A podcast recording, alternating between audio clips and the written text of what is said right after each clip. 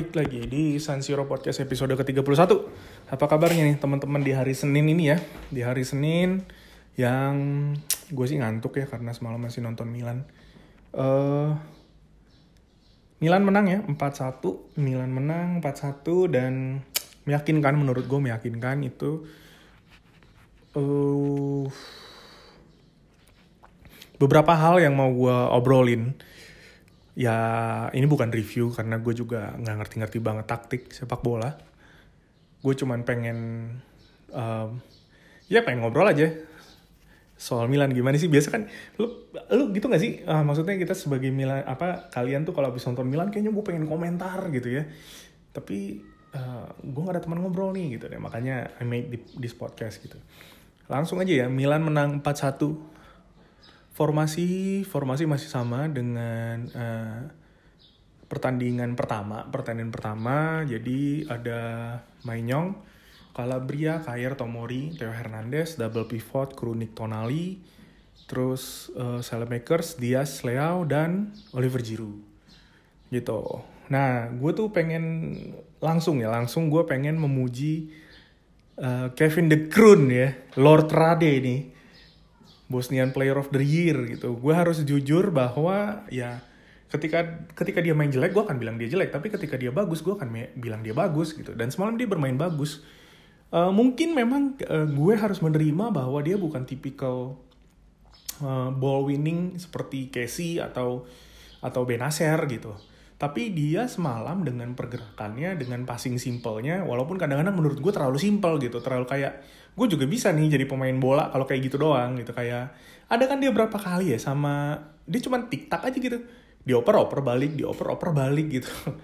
Kayak bukan pemain bola maksudnya kayak bukan pemain bola profesional nggak ada progresi di situ nggak ada nggak ada passing-passing yang menawan di situ gitu. Tapi semalam dia bermain bermain uh, baik gitu dengan penempatan posisinya. Ada beberapa beberapa uh, yaitu beberapa aksi dia juga. Salah satu yang gue inget di babak kedua itu uh, dia dapat bola di hold sebentar terus dipassing ke Dias gitu. Dipassing ke Brahim Dias Dias ya bebas. Langsung uh, apa uh, langsung uh, ditusuk gitu ke pertahanan Genoa gitu. Nah passing-passing progresif itu yang menurut gue uh, membuat Kronik jadi bagus malam. Nggak cuman nggak cuman apa ya, nggak cuman passing-passing simple kayak tadi yang gue bilang. Mungkin ini berkaitan juga dengan kepercayaan diri dia ya, karena dia uh, udah main pertama di pertandingan pertama dia main, di pertandingan kedua dia main juga. Mungkin dia mau memanfaatkan kesempatan itu, apalagi kan kan si siapa namanya ya, Bakayoko tuh juga sudah mau datang mungkin dia pada akhirnya fight for his spot lah gitu. Dan it's a good sign it's a good sign. Maksud gue terlepas dari dia nanti akan dijual apa tidak gue sih berharap uh, dia dijual ya nggak bohong gitu ya. Tapi kalaupun tidak selama dia bisa mempertahankan level permainan seperti ini uh, uh, gue yakin dia akan berguna sebagai backup terutama nanti ketika Casey dan Benacer tampil di Piala Afrika Artinya ketika Casey Benacer pergi, kita cuma punya Tonali, Bakayoko, dan Rade Krunik gitu. Dan kalau dia bisa main begini aja, nggak perlu yang wah-wah banget menurut gue. Kalau dia bisa sampai level wah gitu ya, kayak Benacer Casey gitu, oke okay lah. Tapi dia segini aja menurut gue udah udah cakep lah gitu menurut gue ya. Dia uh, passing-passingnya berhasil ngelepasin Milan dari tekanan. Dia juga ada berapa kombinasi sama Theo gitu dan dia juga nutupin lobang-lobang yang ditinggalin sama tim gitu. Itu satu. Terus sebenarnya gue nggak nonton dari awal. Jadi uh, eh, gue nonton ketika sudah 2-1 uh, jadi di WhatsApp sama teman gue Andi yang pernah di podcast ini juga di WhatsApp bung apa dia bilang Pirlo reborn kata dia gitu kan. Terus gue oh kenapa nih? Gue baru inget oh nonton Milan. Gue cek live score 2-1 gue lihat yang golin Tonali sama Giroud gitu kan gue Tonali Jiru. Eh Tonali Jiru ya yang pertama ya? Ya itulah ya. Gitu. Terus uh, gue lihat itu gue langsung cari tuh uh, cuplikan-cuplikannya. Biasa kan ada tuh kalau live Milan main langsung ada tuh kalau golin adalah akun Twitter yang posting. Gue lihat wah gila Tonali free kick bagus banget. Jiru juga bagus gitu. Nah uh, Tonali nih satu lagi. Dia juga semakin bagus ya. Uh, dia menurut gue dia tuh salah satu pemain yang akan akan uh, memimpin Milan lah ya menurut gue. Uh, dia dengan pengorbanan kita tahu lah dia um, rela potong gaji Milan adalah tim masa kecilnya gitu. Uh, jarang kan pemain seperti itu di masa sekarang. Kita nggak tahu mungkin 2-3 tahun lagi ketika nilainya sudah berlipat ganda dan namanya makin dikenal gitu mungkin dia juga akan ada keinginan pindah ke tim besar uh, ya kita nggak tahu tapi for now gue melihat uh, dia um, salah satu aset untuk Milan gitu. Dan terus dia main bagus. Dia juga membuktikan bahwa dia cuman nggak dia bukan cuman bisa stay di belakang gitu. Dia ada beberapa kali bikin forward run dia menangin bola gitu. Jadi ini memang kalau Pirlo bilang dia lebih komplit bener gitu. Ya dia gue setuju dia lebih komplit dari Pirlo. Apakah dia sehebat Pirlo sih? Belum. Belum di level itu. Lupa gue belum lihat tapi dia memang lebih komplit. Gue mau bilang dia adalah Gattuso dengan teknik nanti ada aja kan yang bilang wah lo hanya melihat Gattuso sebagai pemain uh, yang kasar gitu. Ya memang branding dia begitu kan. Walaupun semua orang pasti me me mengacu kepada uh, final Liga Champions 2003 ketika Gattuso main bagus di situ dan gak cuma tackling gitu ya dan gak cuma main gerasa gerusu gitu but then again kita balik ke Tonali gue happy Tonali Krunik terbukti uh, bisa ngawal lini tengah. Lalu sayap kiri ada Rafael Leao. Uh, ini juga uh, kelihatan mental gue apa ya? Gue merasa mentality dia naik nih musim ini. Gue rasa, gue rasa, gue harap dia sadar bahwa dia punya potensi, dia ada di tim yang tepat untuk perkembangannya dan dan kalau dia memang mau menjadi pemain yang lebih baik lagi ya musim ini penentuan ya menurut gue. Dia sukses apa enggak. Kenapa gue bisa bilang gitu? Kelihatan banget uh, dia bekerja keras ya menurut gue. Kelihatan banget dia beberapa kali track back gesturnya udah bukan pemain males-malesan atau pemain yang unggul trik gitu. Ya pemain yang bekerja keras gitu. Yang di mana ketika dia megang bola gue sih merasa ketika dia megang bola gue tahu dia akan menciptakan ancaman gitu. Entah lewat dribbling entah lewat passingnya dan itu yang terjadi. Dan dia dia berhak dapat satu gol itu ya. Walaupun di flag kena kena Brahim Diaz cuman katanya karena tendangannya on target terhitung dia yang golin. Gitu. Dan dia bisa lebih dia bisa lebih tenang mengeksplor diri dia karena dia nggak harus pindah-pindah jadi striker kan. Sekarang striker kita udah ada tiga orang dengan tipikal yang sama. Jadi gue berharap uh, musim ini adalah musim yang tepat buat buat siapa namanya buat Rafael untuk kickstart karirnya ya. Dan uh, Diaz man dia ini uh, jauh lebih matang ya dibanding musim lalu ya. Dia rajin bergerak dia bikin passing dia uh, pinter ngelihat uh, teman-teman yang kosong gitu. Dia uh, he's good a good number 10 lah a good number 10 cuman memang uh, dia saja gue akan bilang di sini bahwa dia saja tidak cukup untuk mengarungi musim ini sebagai number 10 kalau bisa dapat seseorang yang emang lebih berpengalaman uh, it would be good for the team gitu. Terus uh, Salah Makers bermain cerdas. Uh, dia pemain cerdas lah. Dia bergerak pergerakannya. Dia itu Salah Makers itu efektif banget bergerak. Passingnya efektif. Cuman memang end productnya nggak ada. Apa ya? Gue sih mikirnya kalau gue jadi lawannya tim Milan gue akan membuat bola itu diarahkan ke Salamaker gue ya. Karena gue tahu dia nggak akan bisa produce apa pun untuk produk akhir. Dia nggak bisa cetak gol dia uh, tapi nanti dipelintir ya uh, dia tidak berbahaya sorry kalimatnya gue ubah ya dia tidak berbahaya dia tidak dia bukan merupakan sebuah ancaman uh, ketika dia bisa mencetak gol, dia juga tidak bisa, dia juga belum menjadi ancaman ketika melepaskan umpan uh, final pass gitu ya.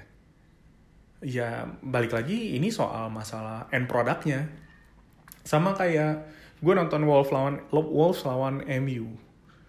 Uh, kalau kalian tahu ada Traore, man, dia itu uh, dia tuh lebih dia kayak pemain American football gitu badannya. Gede tapi larinya cepet. Tapi ya itu dia sering end produknya Adama Traore itu juga kurang bagus. Dia dia susah bikin final pass gitu. Terus ketika harus uh, gue melihatnya uh, sering salah ambil keputusan harusnya di op di passing dia uh, masih dribbling harusnya di dribbling dia plus dia passing gitu I wish uh, tahun ini musim keduanya Salamaker full ya musim full keduanya Salamaker uh, ada yang itu kan tugasnya tim pelatih dong ya untuk memperbaiki kualitas dia nih passing dia oke okay. uh, positioning dia oke okay, gitu dia selalu membuat diri dia menjadi uh, apa dia selalu membuat diri dia tersedia untuk teman-temannya ngoper gitu apa sih kalimatnya ribet ya dia pinter memposisikan, memposisikan dirinya sebagai opsi passing teman-temannya uh, kalau tadi gue bilang ketika Leo megang bola uh, gue yakin Leo akan create something entah itu dribbling kalau gue kalau sama Maker gue yakin ketika dia dapat bola bola itu aman. Ya. Entah itu di keep, entah itu pada akhirnya dia ngelihat ada opsi passing yang bagus atau dia ngambil ambil touch yang simple terus dia bergerak untuk membebaskan diri dia sendiri buat dapat bola itu balik ke dia gitu. Tapi itu tadi, seandainya dia bisa diperbaiki gitu. Mungkin gak usah golin ya. Uh, final pass dah gitu. Umpan-umpan kunci lah. Mungkin kalau dia bisa meningkatkan peluang dia crossing dia kan sebagai sayap kanan dia crossing atau ketika dia drifting ke tengah dia membuat umpan kunci gitu. Itu yang kurang. Kalau Grinta sih dia top lah. Ada kan semalam yang tiba-tiba uh, si pemain Genoa passing ke wilayahnya dia tiba-tiba entah dari mana tuh dari luar screen TV gitu. Dia datang sliding sliding tackle dia ngambil bola. Abis itu dia bang dia bangun dia lari ke depan lagi cari posisi gitu. Ya itu tugas. Gue harap gue harap Pioli dan staffnya punya punya solusi gitu untuk si siapa namanya Salamaker. Terus Jiru Jiru keren sih. Ya itulah striker matang ya. Finishingnya uh, one touchnya link up playnya gitu. Ada Leo juga dapat kesempatan untuk apa? Kesempatan pertama Leo ya dari flicknya si Jiru gitu. Dia pakai back heel di flick tapi uh, agak kelamaan Leo di situ. Mungkin sebaiknya satu dua sentuhan langsung disikat gitu mungkin itu akan jadi gol yang cantik banget. Tapi kelihatan banget uh, Giroud tuh uh, pemenang bola pertama yang bagus. Dan sesuai sama skemanya Pioli gitu. Dia dia bisa hold up ada satu ada kan dia hold di keeping bolanya terus dikasih dicop gitu bolanya ke Leo gitu. banyak lah banyak aksi-aksinya Giroud. Jadi uh, uh, tim ini mungkin bukan tim yang calon kuat Scudetto gitu, tapi tim ini komplit. Satu yang perlu diambil catatan adalah musim lalu Milan itu selalu kesulitan lawan tim-tim seperti Cagliari ya. Tim-tim yang sit deep lah, yang yang garis pertahanannya rendah, yang bertahan atau tim-tim kelas menengah yang kayaknya di atas kertas nih Milan bisa menang gitu. Gue inget lawan Siena ya, lawan Siena terus lawan siapa ya? Ya lawan Cagliari juga kan, kalau nggak salah pekan ke berapa ya? 37 ya yang kita kosong-kosong. Harusnya kalau kita menang lawan Cagliari, kita sudah memastikan lolos kalau gue nggak salah gitu. Dan dan dan itu Milan yang yang emang gue pribadi pengen lihat semalam ketika ngelawan tim yang di atas kertas kualitas pemain itu uh, di bawah kita uh, gue pengennya sih memang sudah pasti tiga angka gitu Uh, dan itu yang terjadi semalam, mendominasi permainan dan lain-lain. Ya intinya nggak ada yang sia-sia dari proses bergadang semalam, cuman kita kan nggak tahu nih sampai kapan nih. Biasanya kan kita sebagai fans gitu, sebagai supporter, ketika main bagus, woi kita hype banget. Tapi ketika jelek kita akan uh, ngata-ngatain gitu ya, wah tim gini begini begitu gitu ya. Dan uh, ya itu juga membawa gue ke satu topik yang buat gue pribadi uh, gue merasa bersalah gitu dan gue cukup sedih ya. Uh, yaitu tentang uh, eh, non aktifnya Twitter Samu Castillejo gitu. Gue pribadi sih jujur gue pengen apa ya? Gue kan nggak mungkin minta maaf langsung ya ke dia ya. Tapi mungkin buat ke teman-teman yang denger gitu kalau gue pernah gue yakin gue pernah gue yakin gue pernah uh, ngenyein Samu gitu di Twitter gue ya. yang paling gue inget gue pernah nyebut dia chicken leg gitu ya Uh, terus uh, walaupun gue tidak pernah secara langsung mengusik sosial medianya gitu karena gue ingat ada salah satu yang yang di Twitter itu uh, ngetek gue bahwa tapi gue nggak tahu dia dapat dari mana gue rada lupa sih. Uh, dia bilang dia DM Samu gitu ya di Instagram uh, lo mendingan jadi model gitu. Ya gue bilang gue sih nggak sampai segitunya ya dan sebaiknya jangan gitu. Dan uh, banyak yang bilang uh, Samu ini banyak uh, dapat uh, harassment uh, di di sosial medianya dan itu membuat gue sedih gitu dan sedih dalam artian apa ya? Uh, karena gue baca gue baca juga ada yang nulis dia mungkin gak bagus dia mungkin gak delivered gitu tapi dia nggak pernah ngomong jelek tentang siapa pun dia nggak pernah ya dia nggak pernah berbicara jelek tentang bertingkah yang aneh-aneh gitu. Dia nggak pernah bertingkah yang aneh-aneh kan. Ya dia selalu give it all gitu terhadap tim ini gitu. Terlepas dari dia menghasilkan apa tidak. Cuman kan memang gue sendiri suka kelewatan kan ketika gue baik di podcast ini atau baik di Twitter gitu. Dan gue gue merasa merasa sedih juga kalau sampai mem kalau sampai bener uh, dia menonaktifkan twitternya itu karena uh, perilaku atau misalnya karena uh, banyak orang-orang di di Twitter gitu yang uh, mengancam atau uh, melecehkan dia dengan cara apa pun gitu. Terlepas dari si si Samu Castillo-nya sendiri, menurut gue mendapatkan perundungan atau bulian itu nggak menyenangkan sih, menurut gue ya. Gitu dan dan Uh, dan di situ Milanisti juga gue lihat agak terbelah tuh. Ada yang bilang he deserve it gitu di di Milanisti Twitter Twitter luar negeri gitu. Ya dia dia layak kita kritik di atas atas performanya di atas lapangan gitu. Cuman kayaknya kalau udah sampai masuk ke ranah ranah sosial medianya DM gitu dengan nyuruh dia ngapain kayak gitu ya?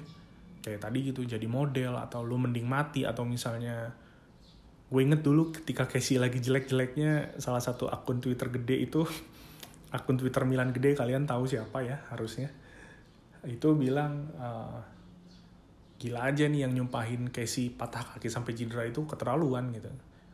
Dia are human after all dia sama sama kita juga menurut gue. Dan dan kenyataan bahwa ternyata dia ada fotonya ya. Dia tuh Milanisti ya ada fotonya dia ini Milan gitu. Dan terus semalam Kurvasut juga menunjukkan dukungan. Dia juga posting di Instagramnya he's uno uno dinoi dia bilang kan one of as apa salah satu dari kalian gitu. Uh, dan gue juga nge-tweet bahwa kadang-kadang mungkin bukan bahkan gue Sabtu kemarin baru nge-tweet mantan satu Kak Lord Samu nol maksudnya Hauge golin gitu di Liga Jerman ketik bermain di sayap kanan gitu. Uh, kesalahan Samu adalah dia mungkin bukan pemain yang cukup bagus untuk Milan saat ini. Tapi dia bermain kan bukan keputusan dia ya, bukan dia yang minta-minta main gitu. Ketika jadi cadangan dia tergeser sama Selamaker, dia juga nggak ngomong apa-apa gitu. Gue baru menyadari itu ya. Jadi juga ya dia nggak pernah rewel gitu. Nggak pernah minta dijual atau nggak pernah macem-macem ke kekeras kepalaan Pioli yang tetap memasukkan dia instead of Hauge musim lalu yang bikin pada akhirnya gue kesel. Kenapa? Dia pada akhirnya itu uh, membawa gue untuk uh, mungkin ngeledekin dia gitu ya. Ya harusnya dia dikritik karena penampilannya di lapangan that's it. Itu aja sih menurut gue. Termasuk ya kronik lah ya. Dua pemain itu kan paling sering gue pribadi paling sering ngeledekin. Ya moga-moga moga-moga ada alasan selain itu di di balik uh, deactivate-nya akun Twitter Castillo gitu. Kalau kalian tahu Robert Enke ya, kiper Jerman dia mengaku depresi kan, kayak dia bunuh diri gitu. Uh, apa sih gimana ya?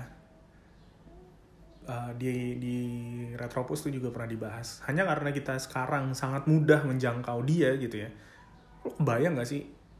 Uh, uh, mungkin beberapa dari kita nonton bola dari dulu ya sebelum eranya sosial media.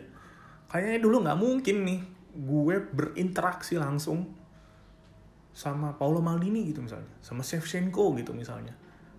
Walaupun mungkin bukan interaksi dua arah gitu. Kayak tapi sekarang gue bisa men mention Shevchenko gitu gue bisa mention siapa? Baresi gitu. kapan sih?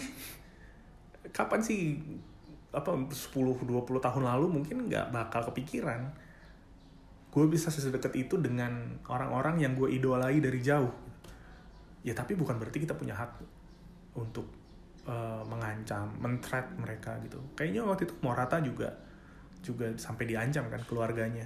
Gue nggak kebayang sih gimana gimana ketika mereka buka sosial media dan dan ngelihat bahwa ada ancaman pembunuhan misalnya, gue nggak tahu ya ancaman apa atau ancaman bahwa karirnya jelek kakinya patah gitu. Gue nggak kebayang gimana mereka bacanya. Uh, itu aja sih. Gue minta maaf sekali lagi. Uh, kalau misalnya gue pernah uh, mengucap hal-hal buruk gue lupa sih sejujurnya. Jangan-jangan gue pernah juga menyumpahin mereka yang tidak-tidak gitu. Jujur gue lupa. Kalau ada itu gue bisa bilang itu bukan sebuah tindakan gue yang patut dicontoh gitu uh, ya itulah. Terus uh, ada hal menarik juga. Uh, sebelum semalam itu gue ikut spaces yang dibuat oleh Casa Milan Podcast. Karena kebetulan Mas Adit juga cukup sering cukup sering bikin spaces dan gue menarik buat gue karena gue sebagai Milanisti nggak pernah ikut komunitas apa pun gitu. Gue nggak pernah ikut Mila, Milanisti Indonesia kan komunitas terbesar ya. Gue nggak pernah ikut walaupun gue punya sepupu sepupu kandung uh, sepupu kandung gue itu Milanisti juga. Dan dia kalau nggak salah ya kalau nggak salah dia tuh yang mendirikan Milanisti Sesione Palangkaraya. Si Yudi namanya Yudi Nenggolan gitu. Gue nggak tahu deh kalian ada yang pernah pernah denger atau nama dia apa enggak dia berapa kali ngajakin tapi gue nggak ah. Gue bilang gue nggak mau gue bukan nggak mau ya kayaknya. Ya gue daftar aja sih cuman kayaknya kalau aktif nggak deh gitu waktu gue merantau nggak di Jakarta juga gue sempet beberapa kali nobar di sesionnya tersebut. Waktu itu di Pekanbaru gue pernah uh, gue uh, nonton derby jam berapa? Dini hari juga gitu. Kayaknya uh, gue nggak cocok gitu. Bukan nggak cocok sama ininya. Memang gue tipikal orang yang nggak suka rame-rame itu aja sebenarnya gitu. Nah jadi ketika sekarang ada uh, Twitter Spaces atau sebelumnya itu ada namanya Clubhouse. Gue seneng gitu dengerin bahwa gue ngelihat contohnya di Spaces yang semalam itu ada ada yang men menganalisa dari wasit yang memimpin pertandingan gitu. Bahwa wasit ini memimpin pertandingan Milan berapa kali dan keputusannya apa aja gitu. Siapa yang kepikiran? Gue jelas nggak kepikiran lah gue gue sih gila gue wih pas gue dengerin gila ada juga ya orang yang gini. Terus ada yang ngelihat jadwal di Liga Champion begini begini begini habis dari sini jadwalnya begini. Gue sih gak kepikiran. Walaupun katanya kan sepak bola itu menarik yang membuat sepak bola menarik justru hal-hal di luar lapangan dan hal-hal di luar 90 menit itu gitu. Ya gue senang mendengar banyak banget perspektif baru gitu ya mendengar uh, ya teman-teman membicarakan hal-hal terkait taktik gitu. Gue juga nggak setuju gue nggak setuju juga bahwa misalnya yang ngomongin taktik itu cuman boleh orang yang uh, ya apa ya mungkin hanya orang yang punya sertifikasi kepelatihan gitu misalnya. Ya kita mau boleh-boleh aja lah. Kita kan boleh ngomong hal yang sama gitu ya. Kita boleh ngomong soal taktik. Bener apa enggaknya secara uh, taktikal ya belum tentu. Cuman boleh dong kita ngomong gitu ya gitu. Jadi ya gue senang ada spaces gitu bertemu dengan uh, sesama teman-teman Milanisti Milanisti gitu. Karena uh, Aduh ini ada kejadian yang unik sebenarnya tapi nanti gue akan cerita lah. Gue akan cerita di satu episode khusus gitu. Jadi ada beberapa kejadian unik uh, gue dengan Milanisti yang gue temui secara random gitu ceritanya ya. Salah satunya itu soal uh, nonton timnas kualifikasi Piala Dunia waktu itu Indonesia lawan Malaysia tuh di GBK tahun 2019. Jadi uh, gue ngajak temen gue nonton, uh, terus gue lihat ini ada gerombolan nih, gue yakin Milanisti nih karena pakai baju Milan, pokoknya pakai atribut tapi nonton timnas di GBK. Terus gue bilang ke temen gue, oh ini Milanisti nih. Terus dia nanya lo tau dari mana? Tuh gue cuma nyanyiin, gue cuma nyanyiin Forza Lotta, Vincerai terus mereka rame-rame nyambut gitu. Itu gue kayak kayak gimana ya? Kayak kayak ketemu teman lama aja. Padahal gue nggak kenal juga dan gue nggak kenalan. Maksudnya abis dari situ One Forza Milan cabut gitu. Dan gue rasa mungkin nggak cuman fan club fans clubnya Milan ya. Nggak cuman fan base nya Milan. Mungkin fan fan base fan base klub-klub lain juga sama kayak gitu. Cuman that's what makes football is beautiful gitu ya menurut gue.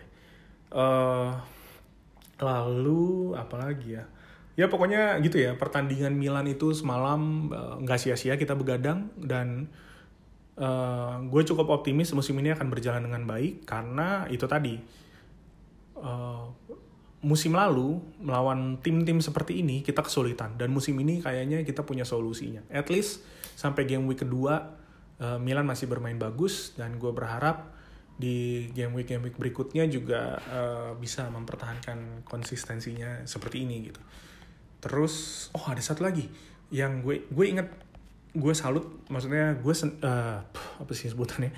Gue, uh, Ibra itu terlihat di bench. Gue inget komentatornya itu semalam bilang biasanya pemain yang nggak bisa main itu akan di tribun sama keluarga dan lain tapi Ibra selalu memilih ada di bench. Bahkan dia kayak mengapprove si Jiru gitu ya.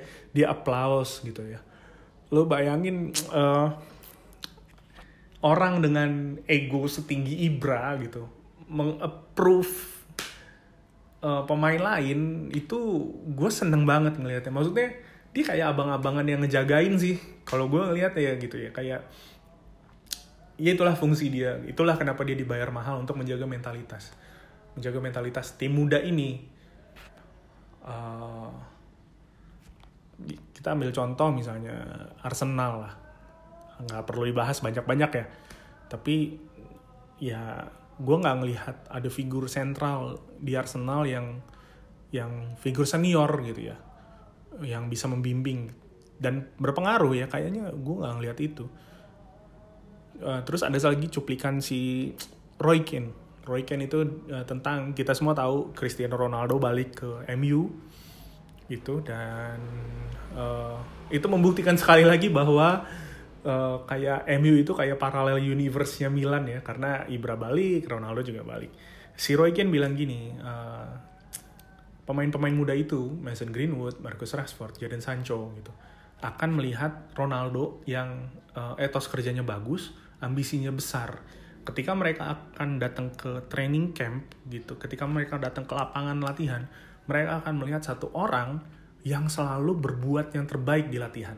Ini bicara Ronaldo gitu dan ketika selesai latihan, mereka akan melihat orang yang akan menambah porsi latihannya itu gitu. Kira-kira gitulah kalimatnya.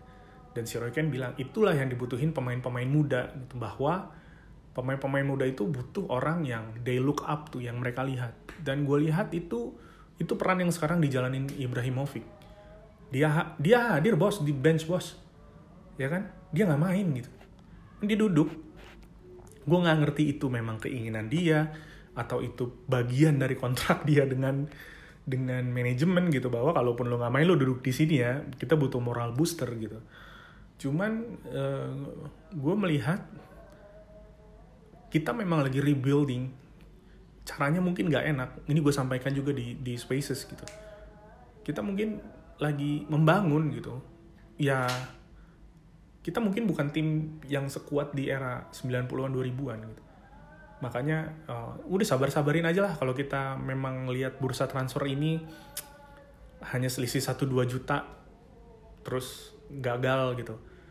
Ya enggak kita memang lagi membenahi bahkan dari hal yang paling fundamental. Fundamental dari sisi finansial misalnya yaitu proses bisnisnya kita sedang berubah menjadi sebuah tim yang istilah katanya bisa ngasih makan diri sendiri Terus dari sisi fundamental di teknis lapangannya, kita juga sedang berbenah. Caranya gimana? Kita relay on banyak anak muda dan menghadirkan squad-squad, menghadirkan pemain-pemain senior. Kayak Ibrahimovic, tambah Jiru, Simon Kjaer lo gak usah bilang, kita semua tahu apa yang dilakukan di Euro gitu. Gak semua pemain punya mental sekuat itu gitu ya. Untuk uh, bergegas ambil keputusan menangani Erikson gitu. So, we are in the good hand menurut gue kita sedang ada di track yang tepat. Uh, apa ya?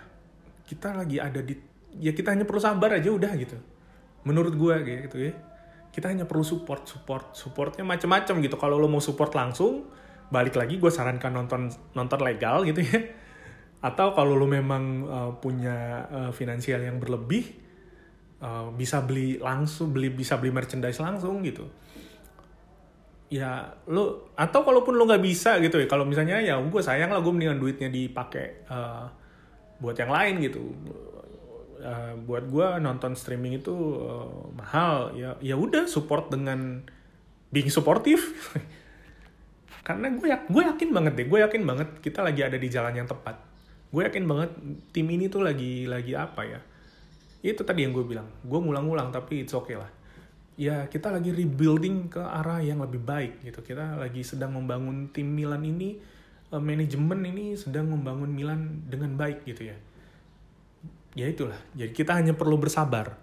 Bersabar bahwa mungkin prestasinya tidak akan datang secepat itu. Mungkin kekuatan finansialnya tidak akan kembali secepat itu. Mungkin eh, kemampuan kita bersaing membeli pemain-pemain hebat tidak akan uh, tercapai dalam 2-3 musim lagi gitu ya. Dan berbagai kemungkinan lainnya. Itu cuma perlu sabar kok. Dan sabar kan gratis ya. Itu aja sih menurut gue dan uh, aku 30 menit. Panjang banget nih paling panjang. Kebanyakan ngomong gue ya. Uh, sorry. Uh, terima kasih udah dengerin. Sorry banget uh, sampai 30 menit ini. Uh, tetap jaga kesehatan. Terus abis ini jeda internasional uh, sabar-sabar aja. Ini periode yang paling tidak enak dalam sebuah satu musim sepak bola. Uh, udah gitu aja lah dari gue Forza Milan ciao